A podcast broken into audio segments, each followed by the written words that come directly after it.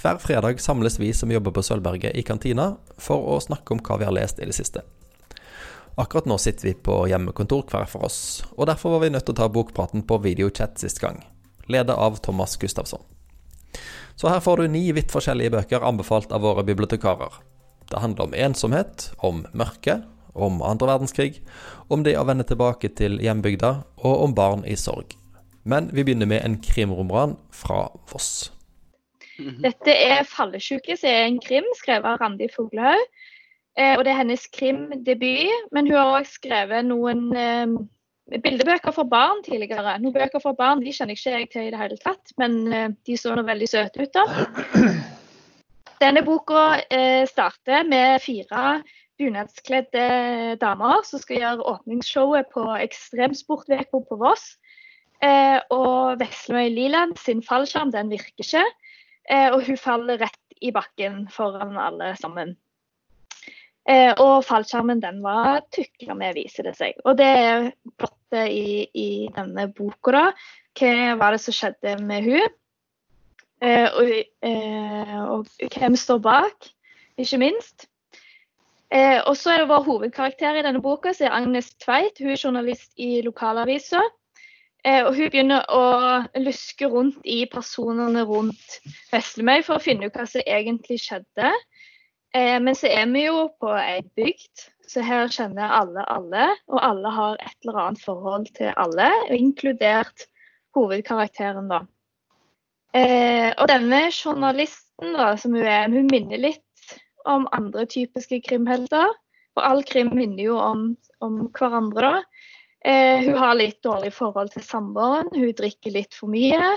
Eh, har litt dårlig selvtillit, og så alle disse her eh, dårlige egenskapene som de pleier å ha. Eh, men allikevel så treffer hun meg litt, da. Kanskje det er litt fordi hun er på samme sted i livet, sånn som jeg er. Eh, hun er iallfall eh, hun litt mer enn de der halvgamle mannfolka som finnes i så veldig mange andre krimbøker. da. Og det er karakterene som gjør at jeg liker denne krimmen så veldig godt. Fordi at det, det, er en krim der du blir kjent med karakterene, og karakterene er vel så viktige som selve handlingen, da. Eh, eh, du blir liksom Ja. Eh, så det likte jeg veldig godt. Og så er det ikke så veldig ikke så sinnssykt tempo. Det er litt mer dvelende krim enn en del Altså det, det er en page-turner sånn som vanlig, men, men, det er litt mer dvelende, da. Det likte jeg òg. Og så er jo stedet veldig viktig i, i, denne krimmen. Men det tror ikke jeg at jeg trenger å si noen ting om når Eli har lest denne boka. Um, jeg leser jo ikke så mye krim, men jeg måtte jo bare lese den da siden jeg var på Voss. Og jeg syns det var utrolig gøy. Uh, fordi jeg kjente meg veldig godt igjen. Både sånne små beskrivelser av Voss. Eh, det er jo helt, eh, helt presist hvor de er henne og sånn. Men, og det er masse personer som er, er på en måte typegjenkjennende. da. Det er jo ikke virkelige personer. De kan ikke kalle dette virkelighetslitteratur, tror jeg. Men nå har ikke jeg bodd på Voss på nesten 40 år, sånn at det, har jo forandret seg. Og nettopp det òg var litt gøy. For dette, Agnes var jo ei som har bodd utenfor i mange år, og så kommer tilbake igjen. Så får hun litt et nytt blikk på, på Voss, da.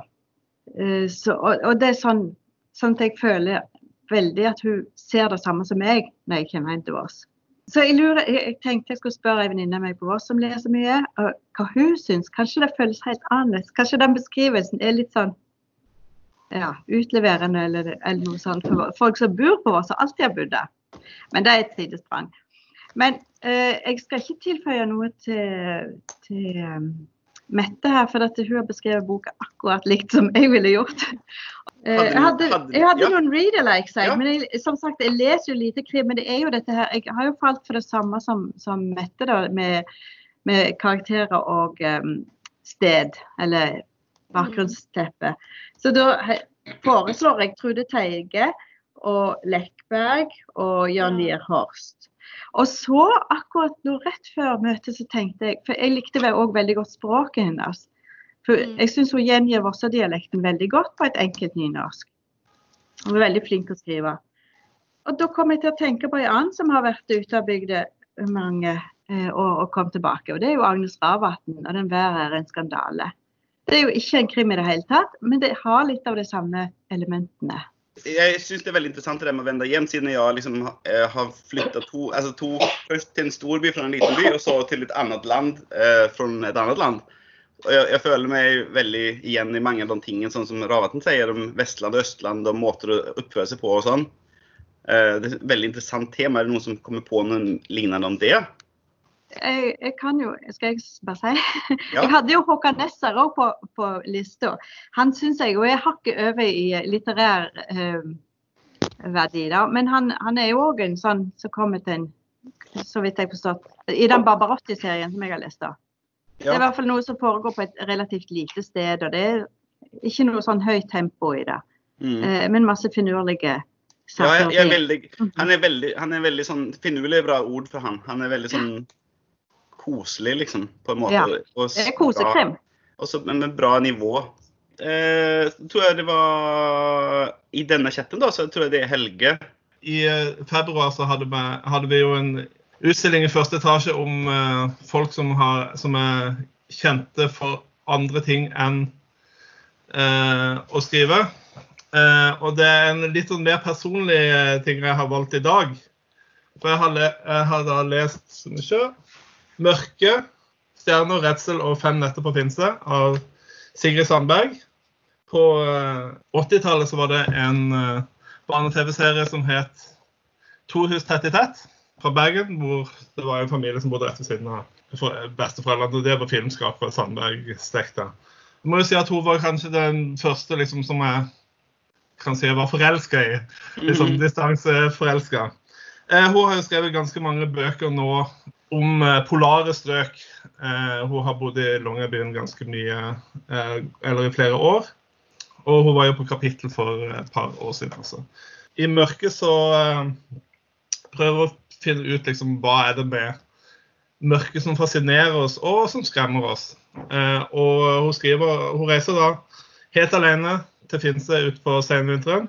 Og hun sitter der liksom alene med Hun går jo ut på dagen og, og går rundt litt. Men uh, på kveldene uh, så sitter hun liksom med tankene sine litt sjøl og, og, bekymrer seg. Altså uh, Det er når man det kan, jo, det kan jo faktisk sammenlignes litt. Vi sitter litt, litt på våre egne finser nå i, rundt om her på Nord-Jæren. og den var faktisk ganske Det var veldig, veldig fin å lese. Uh, Veldig enkel, eh, grei nynorsk. Eh, og den var godt sammen med For det litterære deres var det dikt fra Olav H. Hauge og Jon Fosse og alt som litt sånn tenkende folk. Så, men det var veld, veldig grei å lese og veldig, veldig fin. Så det er jeg glad jeg tok med meg. Ja, og da er det Carolyn som vi snakker om Ut av det blå. Den er skrevet av Kristin Valla. Her møter vi først Elin da hun er ti år gammel, i 1985. Elin og familien bor i en liten bygd utfor utenfor eh, Mo i Rana. Og eh, hun er litt trass, i trassalder. Og en dag Det begynner med at familien skal dra på familiefest til farens familie et stykke unna. Men Elin vil absolutt ikke dra fordi at hun har eh, fått beskjed om å ha på seg en kjole som moren har kjøpt, og som hun ikke liker.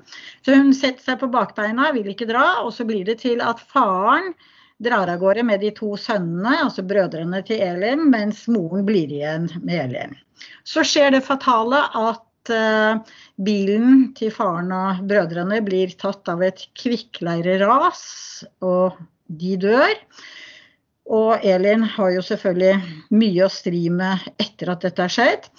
Men så eh, møter vi henne igjen som eh, voksen, sånn 25-30 år. Hvor hun drar tilbake til den lille bygda. Dette er nok en bok som dere har snakket flere om nå. 'Tilbake til hjembygda'.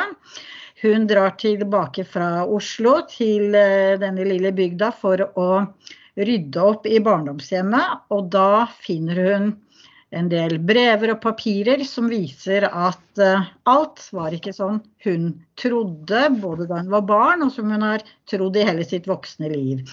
Her er mange familiehemmeligheter. Her er eh, også blandet med hennes sorg og vonde følelser, og hun er litt traumatisert av det som har skjedd. Hun eh, opplever etter hvert eh, kjærlighet, forelskelse med en barndomsvenn, dvs. Si det var bestevennen til en av brødrene.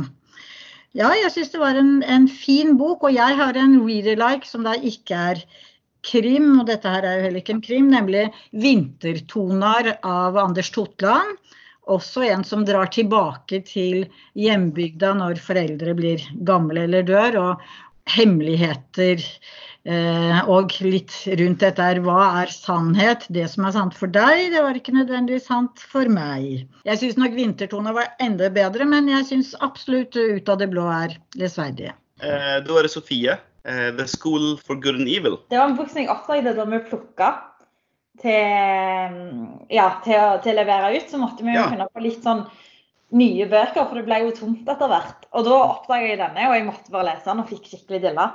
Eh, jeg har jo da lest den i Libby, og faktisk lest den som e-bok. Det er nesten første gang jeg gjør det i Libby. Jeg pleier å høre på lydbøker, men det funka veldig bra.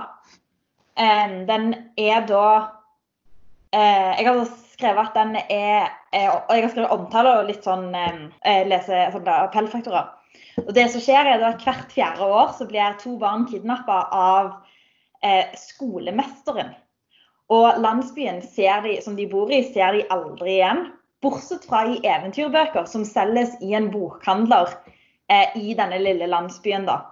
Og det ene barnet er alltid vakkert og veldig godt likt av alle. Mens det andre barnet er alltid litt ut forbi samfunnet, ikke så veldig godt likt. Og litt merkelig, kanskje. Det vakre barnet det skal til skolen for det gode, mens det andre barnet skal til skolen for det onde.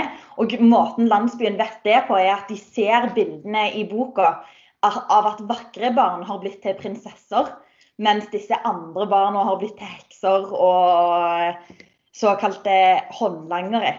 Og Det høres jo ut som et veldig forferdelig plott, men jeg kan røpe at det, er noen tvister her, altså. Det må sies. Tempoet er altså det er en skikkelig fengslende bok. Skikkelig page turner. Det er sånn at du setter deg ned og begynner å lese, og så bare glemmer du tid og sted.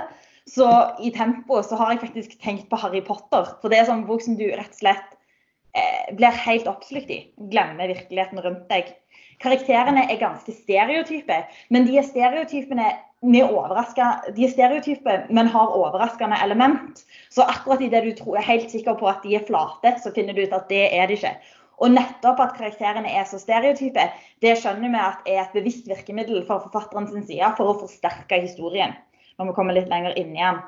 Eh, I forhold til karakterer så har jeg skrevet at Once Upon a Time ikke er en read-alike, for det er ikke en bok, det er en TV-serie. Men at det kan være en god watch-alike. Kan du ikke kalle det look-alike? Watchlight. Um, tonen er magisk og eventyraktig, men òg ganske mørk. Her har jeg satt eh, Ingenlund som en god reader-like, i alle fall til barn på samme alder. Men altså samme alder som denne boka er ment for. For denne boka er sånn 9 til 12. Men jeg tenker egentlig at den passer kjempegodt for U pluss òg. For den er ganske mørk. Og derfor tror jeg òg at Månekrøniken-serien for de som kjenner den, kan være en god reader-like. Den har jeg ikke lest sjøl, men jeg har hørt nok om den til at jeg tror at de kan, kan ligne litt. da. Bakgrunnsrammen er jo da en eventyrverden. Eh, en liten landsby, og de kommer til en skole for det gode og det onde. Og her er det eventyrkarakterer. Hekser, prinsesser, prinser. I tillegg til andre sidekicks som snakkende dyr og, og såkalte håndlangere, eller henchmen på engelsk. Um, er, det litt sånn, er det litt sånn uh, Harry Potter-inspirert, liksom, eller? Jeg vil si at det er mer Hvis noen har sett Once Upon a Time, så er det det jeg har sett som på en måte ligner mest. da. For det er jo basert altså Vi snakker ikke bare om eventyr som at det er eventyraktig. Vi snakker om eventyr som at i denne verdenen er Trond Rose en ekte person. Ja, Hun blir omtalt som på en måte noen som har gått på skolen for det gode tidligere. da. Så, så det er virkelig eventyrverdenen vi befinner oss i. Eh, om, du har lest den, om du har lest den tegneserien som heter Fables? Nei, det har jeg ikke. Det, kan jeg rekommendere. Det er samme konsept, på en måte. Ja. Da er det sikkert en veldig god read life. Den skal jeg sjekke ut. Ja. Eh, så dette er jo en verden, Du kommer jo inn i en verden du på en måte allerede kjenner, men du blir på en måte stadig overraska av den. da. Språket er jeg vil sagt at det er velformulert. fordi hvis språket ikke er bra, så tenker jeg hele tida over det. her tenkte jeg ikke over språket i det hele tatt. Det var på en måte bare et middel for å få, historien fortalt. Så det var ikke sånn helt noe for seg sjøl heller. Men det er velformulert nok til at du i alle fall ikke henger deg opp i det. Da er det Charlotte som tenkte å snakke om Silkas reise. Uh, Silka Klein hun er 16 år når hun i 1942 sendes til Auschwitz. Uh, Silkas mot og skjønnhet redder hun. Eh, da russerne frigjør leiren i 1945, blir hun dømt for å ha samarbeida med nazistene. Eh, at hun ble seksuelt misbrukt, ble sett på som å samarbeide med fienden. For det her blir Silka sendt til den brutale Gulag-leiren i Sibir. Får en straff på 15 år eh, for å ha blitt voldtatt av nazistene under nok et grusomt eh, terrorregime som eh, syntes det var topp med folkemord, eh, så finner Silka en utrolig styrke i seg sjøl og faktisk en trang til å overleve. Her var det Tempoet var veldig god framdrift. Litt sånn tjukk bok på over 400 sider, men Uh, og det står her en sånn enukeslån, og det var null problem å lese på mindre enn ei uke for min del. Uh, og karakter. Vi blir veldig godt kjent med Silka. Det er hun som er forteller. Og også hun er, jo, hun er jo en ekte person, men som forfatteren av boka, Heather Morris, hun har aldri møtt Silka, for hun døde i 2004. Uh, men når Heather Morris skrev uh, boka eh, 'Tatovøren i Auschwitz', som ikke jeg har lest, så sa hele tida han som var tatovøren, at Silka er det modigste mennesket han har møtt. Så da ble jo hun forfatteren nysgjerrig på hvem var Silka Klein. Så da prøvde hun liksom å nøste opp livet hennes og ja, og For å si litt mer om den tonen. Den er jo vond og mørk og dyster. Når det gjelder bakgrunnsramma, så er det jo basert på virkelige hendelser. Mm. Uh, men sånn som hun, forfatteren har jo aldri møtt uh, Silka, i motsetning til han uh, tatovøren. Så det som er litt bra med det coveret, som er sånn du ser ryggen på den dama Du føler at du kommer liksom ikke helt under huden på henne heller, da. Så det, det passer egentlig ganske greit med det coveret. Eh, men det var en veldig spennende eh, bok, og jeg har egentlig aldri lest eh, om noen som har blitt tvangsplassert i sånn straffekolonier ute i, i Sibir og, og, sånt. da. Så det var egentlig mest om det. Men så read-alikes, da har jeg jo den her i bokhylla hjem, som er 'Natten' av Eli Wiesel som må beskrive om det å bli sendt til Auschwitz eh, som 15-åring, da, og hvordan det gjør med ditt uh, barnesinn. Så, men det er, helt, det er helt, helt, sikkert et hav av uh, eh, reader-likes, men uh, ja, jeg har ikke tenkt så veldig, veldig, mye på det. Da er det um, uh, Siri. Jeg skal snakke om Peder Kjøs alene. Men den er jo veldig dagsaktuell i disse isolasjonstider. Det er en ganske kort og direkte eh, refleksjonsbok eller fagbok om eh, eh, ensomhet. Eh, og forskjellen på, eller nyanseforskjellene på det å være eh, alene og det å være ensom. Eh, og Peter Kjøs er jo en veldig sånn, TV-kjent eh, psykolog. Han kommer òg til kapittel, bl.a. med denne boken, for å snakke om det temaet som jeg tenker at mange har behov for å snakke om etter månedsvis eh, alene. Men òg for å lede to samtaler, en om avtrykk etter 22.07. og en om eh, avtrykk etter foreldre. For det er det òg mange som skriver om for tiden. Men det var litt kapittelinfo. Men denne her boken den ble omtalt i Stavanger Aftenblad i går og fikk firer der av Svein Egil Omdal. Og hans, han var egentlig positiv til til Peder Kjøs sin inngang. Han bruker egen praksis som psykolog, men òg eh, litteratur og, og, forskning til å reflektere rundt forskjellene mellom eh, det å være eh, alene. Så man trenger ikke nødvendigvis å føle seg ensom fordi man er alene. alene kan jo, alenetid kan jo i våre, vår dager være en slags luksus eh, som alle har godt av og lengter etter av og til. Men man kan òg være ensom selv om man er omgitt av folk. Eh, man kan føle seg ensom midt i en flokk eller i et parforhold. Eller, ja. Ja. Men ofte er jo eh, det å det å være ufrivillig alene over tid knytta til utvikling av ensomhet. Og ensomhet er i ferd med å bli eh, et stort folkehelseproblem, særlig blant unge og blant eldre. Så øker andelen av de som føler seg ensomme. Og det er jo det som er utgangspunktet hans for for å se på dette temaet. Da. Hvorfor, hva er det med vår tid som gjør at, dette, at flere opplever seg som ensomme? Eh, ja. For vår tid handler jo nettopp om det å bli sett. Og, ja. ja. Eh, så det ligger jo et paradoks der. Og han skriver sånne små epistler, eh, både eh, opptak av intervju med pasienter, men òg viser til eget liv og sånn, og så litt til forskning. Og han, Svein Egil Omdal sin største innvending var nok at han ikke går så veldig i dybden. Det opplever ikke jeg heller at han gjør, men dermed så var han jo ganske fort lest, og det var ganske, det var ganske greit i disse tider. for ja. leser jo vi og dere leser jo mye, og dette i, i, denne tida vi er inne i nå, så, så er det en, en, ting å gjøre. og Da var det kjekt å lese en bok som vi på en måte kunne gå helt inn i og så være fort ferdig med. Han reflekterer jo òg over samfunnsstrukturen. og Sånn sett så minner denne boka kanskje litt om Josefin Olevik sin bok som uh, heter 'Den befridde familien'. Hun som skrev, uh, kom med den boken på Pelikanen forlag i fjor.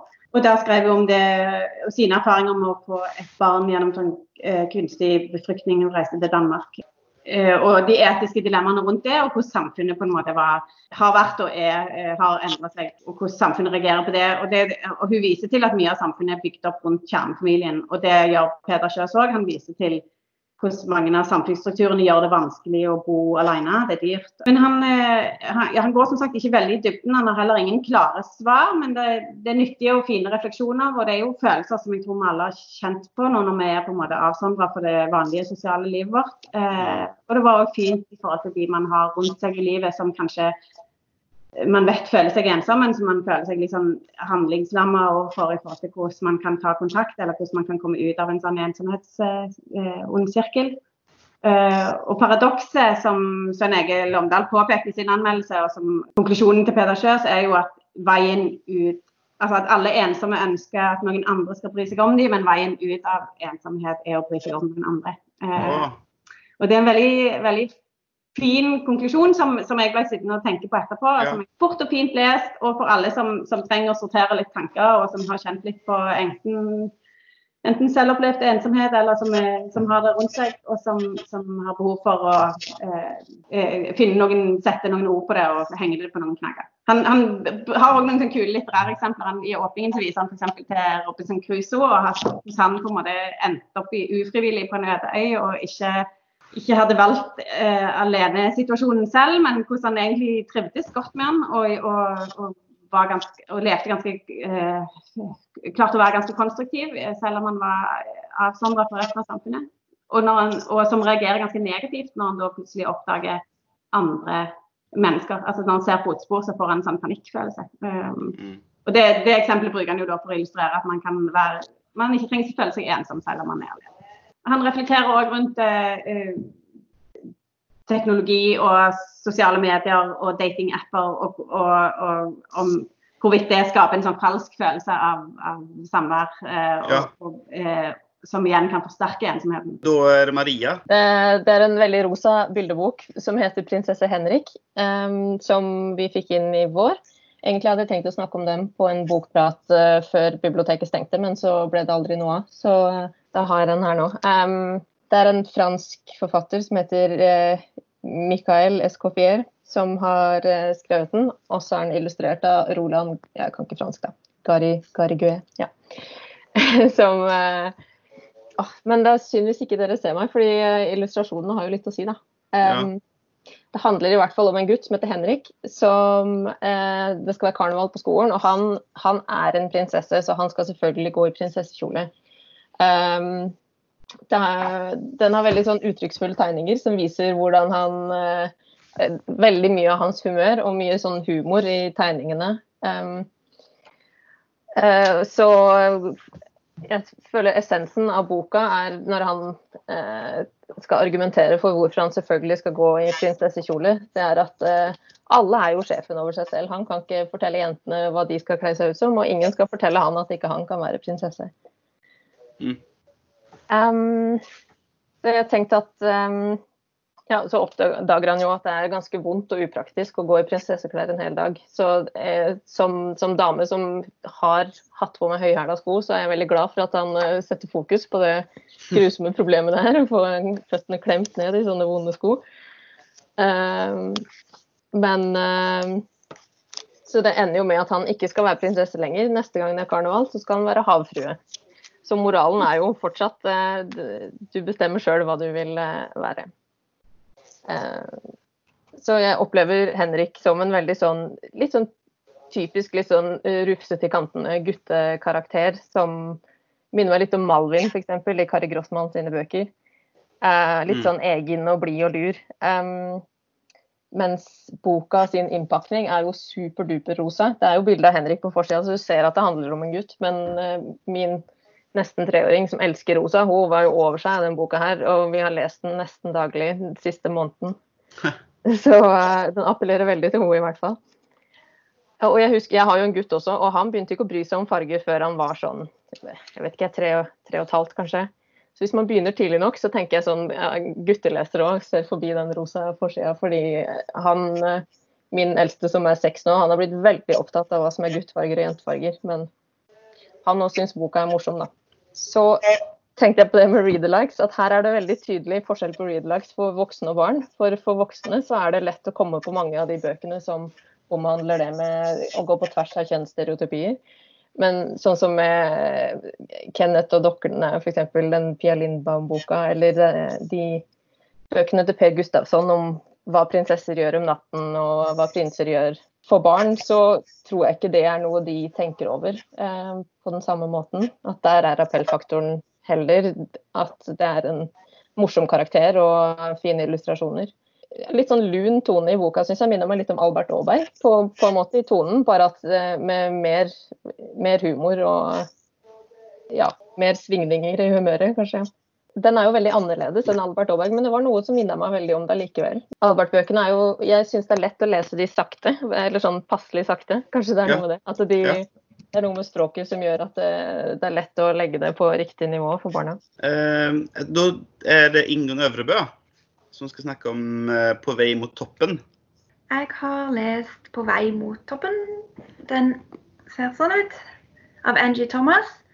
Uh, Angie Thomas ble jo veldig kjent for den uh, 'The Hate You Give', som mm. ble en veldig stor suksess, og som også er filmatisert. Og denne boka, I denne boka så foregår handlingen i samme gata eller nabolag som i 'The Hate You Give'. Den handler om Bree, som er 16 år og har lyst til å bli hiphop-artist, sånn som faren var før han døde. Eller han ble skutt i en skuddveksling det er litt sånn tøft nabolag, da. Og så er det ikke så lett å nå drømmen sin når man blir stempla som gangster og familien knapt har råd til mat og strøm. Og Bri hun, eh, hun tenker hele tida eh, i tekster. Hun, når hun snakker med folk, så assosierer hun i rim og lager strofer som hun kan bruke eh, hvis hun får muligheten til å delta i hiphop-battle i ringen. Og det får hun muligheten til eh, etter hvert, og hun håper at det kan være startskuddet veien, på veien mot drømmen. da. Så dette er en veldig meddrivende ungdomsbok, full av eh, musikk og samfunnskritikk. Men det er òg eh, masse vennskap, familiedrama og kjærlighet. Og jeg tenkte at Reader-likes til denne kunne vært 'Battle' av Maja Lunde, for der òg er det ei jente som har store drømmer om å bli danser. Og er, den er jo full av musikk og dans. Og der òg har de eh, battle, men der har de hiphop-dans-battle, eh, ikke med at de rapper, da. Og, og den andre boka til Angie Thomas, 'The Hate You Give', er òg en read likes. Det er de to jeg kom på i farten. Uh, den føles jo ganske langt unna norsk hverdag, siden vi ikke har så store sosiale forskjeller. Men den ga et veldig godt innblikk i hvordan det faktisk er for mange fattige familier i USA. Så det var en Jeg eh, tror det er en bok som, eh, som mange, kan treffe mange ungdommer. Enten man er samfunnsengasjert eller, eh, eller er opptatt av musikk. Eller hvis du bare vil ha en spennende historie med mye vennskap og drama og kjærlighet. appellfaktorene så tenker jeg at karakterene her er viktige. Spesielt hovedpersonen Bri, som er veldig engasjert og oppfattes som litt sint. Eh, og hun brenner veldig for hiphop. Og så er det den bakgrunnsrammen med sosiale forskjeller og forskjellsbehandling på skolen og eh, fattigdom. Og så syns jeg språket faktisk er litt viktig òg, fordi det er ganske mange innslag av eh, eh, tekstene som Bri tenker og assosierer fram. Eh, så du får, får veldig sånn rytme i, i, spesielt der det er flere vers av det hun har skrevet. da. Eh, så den er sånn muntlig og rå i dialogene og sånn. Veldig, Den veldig ganske god oversetting, da, antar jeg? Siden den Ja, det syns Ja. jeg. Jeg tenkte ikke det var kleint at den var oversatt til norsk. Men no, den, det er faktisk en av tekstene, eh, eller litt av det, er innslag av eh, engelsk, da. det var, eh, Siv, er du der? I 2016 så, så skrev jeg en sånn artikkel på, Sølberg, på nettsidene til Sølvbergen som het 'Barnet og døden'. Og Den har jeg drevet på å oppdatere nå. Spesielt han eh, Simon Stranger sin eh, bok som heter 'Bonsai'. En liten bok om døden. Eh, Det er en av de jeg skriver om nå. Den er altså sånn helt fantastisk. Og dere vet jo hva jeg syns om Simon Stranger, det har jeg vel sagt før. Han kan, eh, altså uansett om det er sorg eller glede han skriver om, så, så skriver han fint. Han kan skrive tullebøker, og han kan skrive veldig alvorlige bøker. Han er like flink uansett. Bonsai, da, det er jo ei jente som eh, altså Uh, mormora hennes kommer på pleie, men når mormora gjør det, så får jenta bonsai-treet hennes. Men så blir mormor liggende så fryktelig lenge på det der pleiehjemmet. Hun dør og hun dør og hun dør, og jenta blir nesten utålmodig fordi at mamma og pappa er så opptatt, og av og til så tenker hun at åh, kan ikke mormor bare dø og bli ferdig med det? Så da mormora endelig dør, da, så får hun veldig dårlig samvittighet. Og i tillegg så dør bonsai-treet hennes, og da er hun enda mer overbevist om at det er hennes feil. Og så er det kloke, fornuftige voksne som forklarer det at alle sammen kan ha stygge tanker av og til, og det er lov å være utålmodig. og det, Så får de sorgen hennes fram. Men det, det den boka gjør, det er jo en, det er en samtalebok. Den er utrolig poetiske språket samtidig med at den, den er jordnær. Og hun, illustratøren hun heter Hilde Hodnefjell, og hun er en stor del av den boka, grunnen til at den er så bra. Hun har også illustrasjoner som er poetiske samtidig med at de er jordnær. Det er bl.a. en sekvens der mora, sier da, mora til jenta sier at mormor har havna på kjølelager. Og da ser jo hun jenta for seg at mormor ligger i et kjøleskap i butikken sammen med melk og, og smør. Og det, den illustrasjonen den er i den boka. da. Anbefales for, for alle som har mista noen, uansett om du har mista noen som er store eller små. Veldig mange av de bøkene som handler om døden, som er, som er poetiske. Altså som har døden i et poetisk ordelag, eller med veldig sånn poetiske tegninger. Så jeg, litt, jeg tror ikke jeg har klart å finne noen ting som, noen ting som fa, altså Det finnes et par fagbøker som tar for seg hvordan du forklarer selvmord for barn. Men jeg har ikke funnet noen skjønnlitterære bøker som gjør det, så det kan jeg godt få tips på hvis dere har.